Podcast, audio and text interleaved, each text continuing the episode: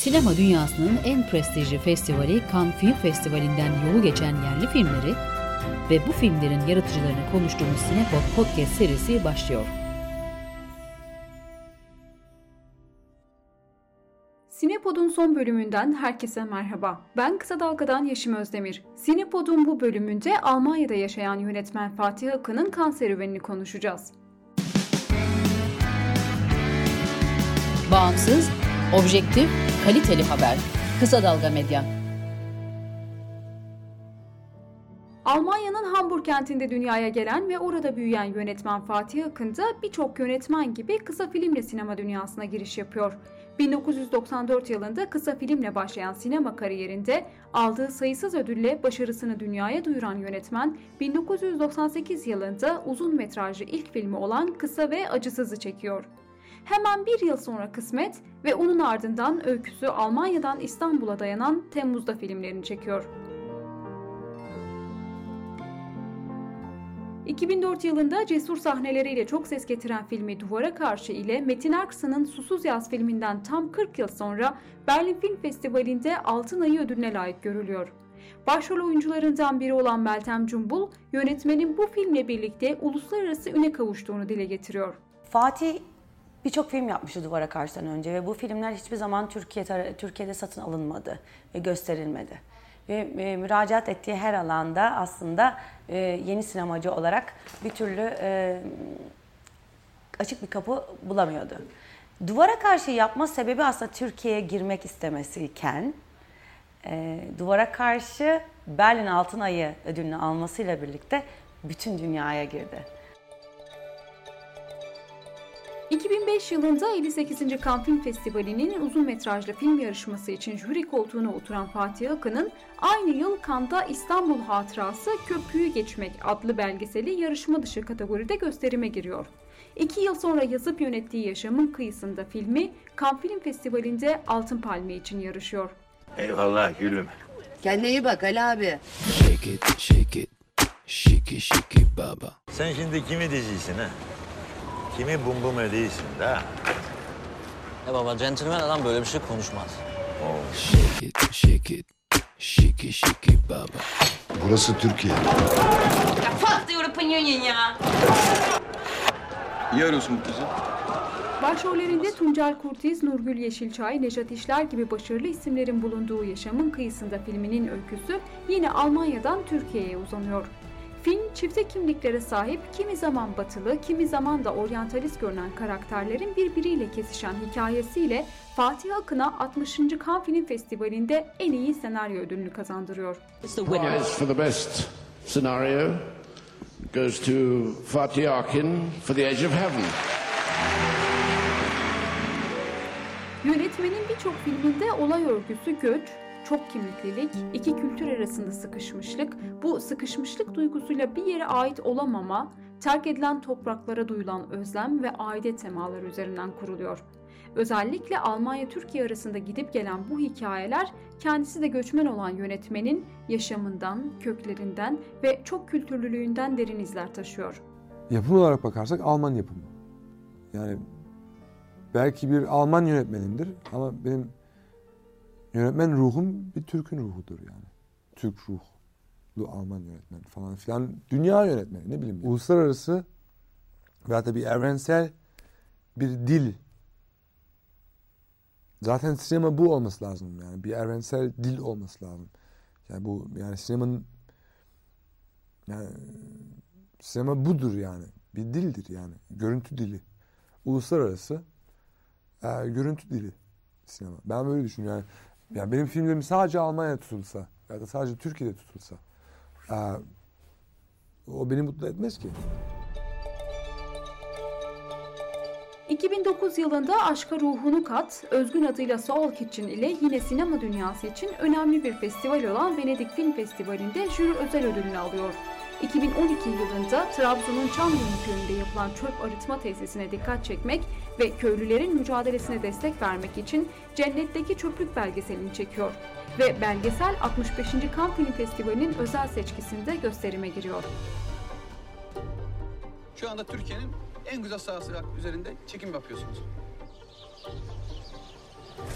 İlk döküldü kamyonlar ve o koku geldi. Zamanında havaya parfüm sıkıyorlardı. Parfüm de olacak şey mi yani bu doğanın içerisinde? Yani bu iş böyle. Felaketi görüyorsun. Premieri 2014 yılında Venedik Film Festivali'nde yapılan The Cut yani Kesik filmi 1915 Ermeni tehcirini konu alıyor. Senaryosunu Mardik Martin'le birlikte yazdığı bu film için Fatih Akın yaklaşık 7 yıl çalışıyor, araştırmalar yapıyor, kitaplar okuyor. Hatta Erivan'a gidip oradaki insanlarla konuşuyor. Filmin başrollerinde ünlü Fas asıllı Fransız caz sanatçısı Hindi Zahra, Cezayir asıllı Fransız oyuncu Tahar Rahim, Türkiye'li oyunculardan Bartu Küçük Çağlayan ve Numan Acar öne çıkıyor.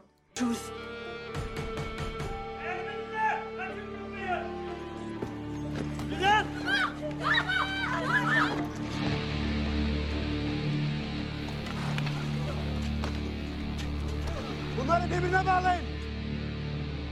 Çekin. Kurşun harcamadan.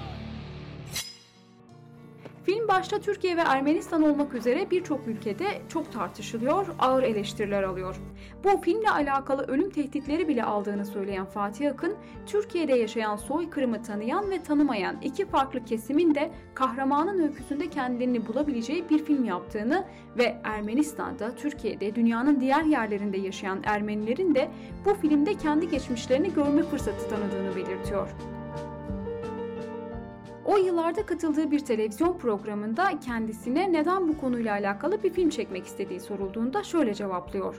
Seven years ago, in 2007, 7 yıl önce 19 Ocak 2007'de Agos gazetesinin kurucusu olan Türk-Ermeni gazeteci Hrant Dink, Agos gazetesinin önünde silahlı saldırıyla öldürüldüğünde beni derinden etkiledi.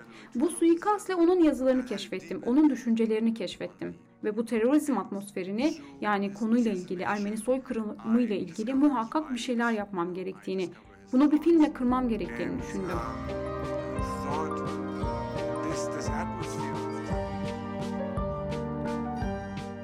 Fatih Akın o dönem Agos gazetesine verdiği bir röportajda Hrant Dink'in hayatı ile ilgili bir film çekmek istediğini, projede Hrant Dink'in hayatındaki 5 ayrı dönemi 5 ayrı popüler ismi oynatacağını söylüyor.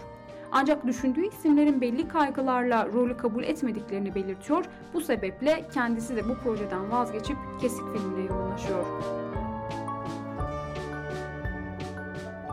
Yönetmen Akın Kesik'in ardından bir aile dramı olan Paramparça filmini çekiyor. Bir terör saldırısıyla ailesini kaybeden bir kadının adalet arayışını izlediğimiz film genel olarak ırkçılık, Almanya'da yükselişe geçen neonazizm ve çürümüş adalet sistemi gibi konular üzerine yoğunlaşıyor. Es gab eine Explosion. Fahren Sie weiter. Mein Mann hat sein Büro gleich davon.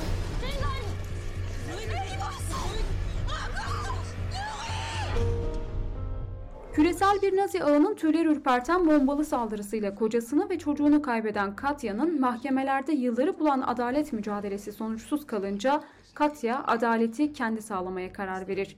Filmde 2000-2007 yılları arasında Almanya'da artan terör saldırılarına da dikkat çekiliyor.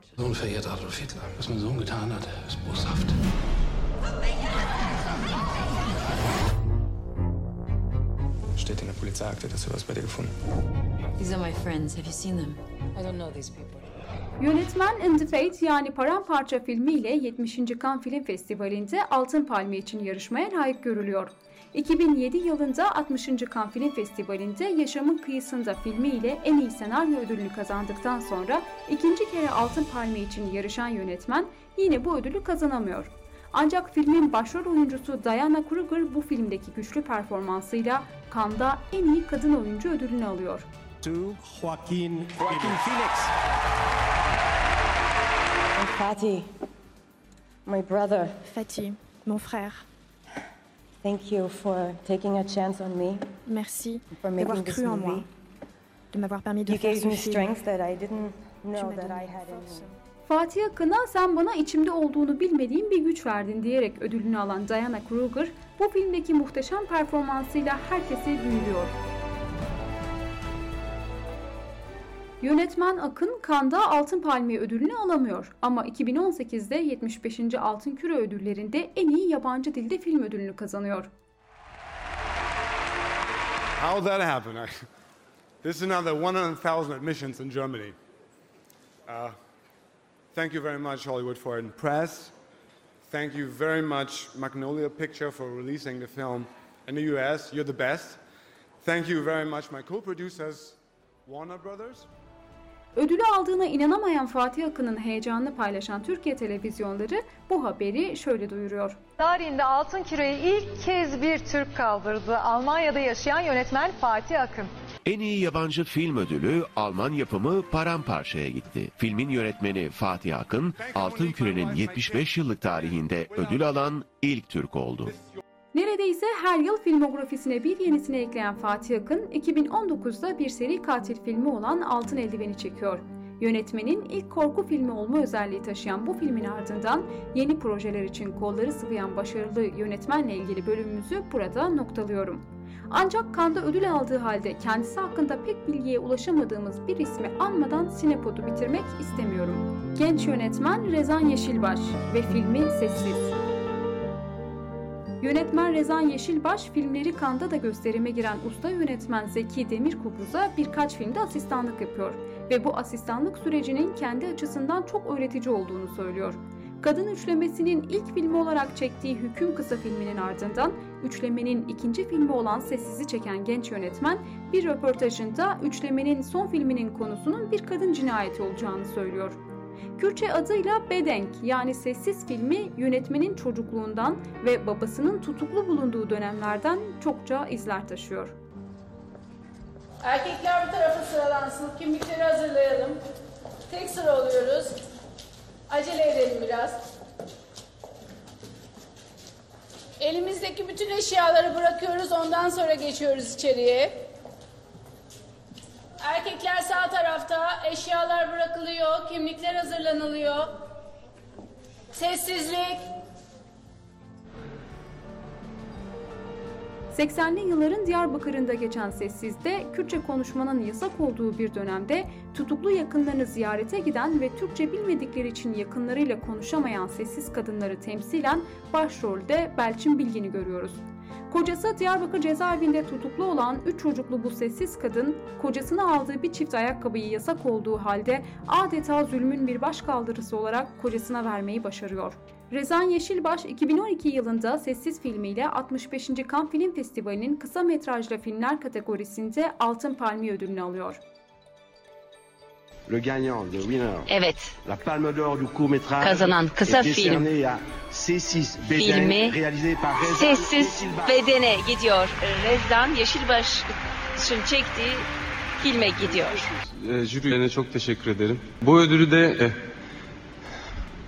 ülkemin sessiz ve yalnız bırakılmış bütün kadınlarına adıyorum. Teşekkür ederim.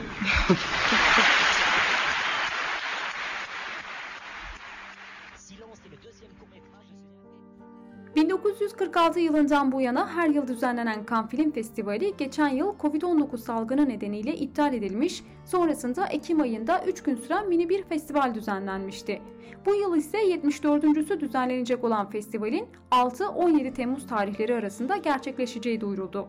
Sinema dünyasının en prestijli festivali Cannes Film Festivali'nden yolu geçen yerli filmleri ve bu filmlerin yaratıcılarını konuştuğumuz Sinepod podcast serimiz sona erdi.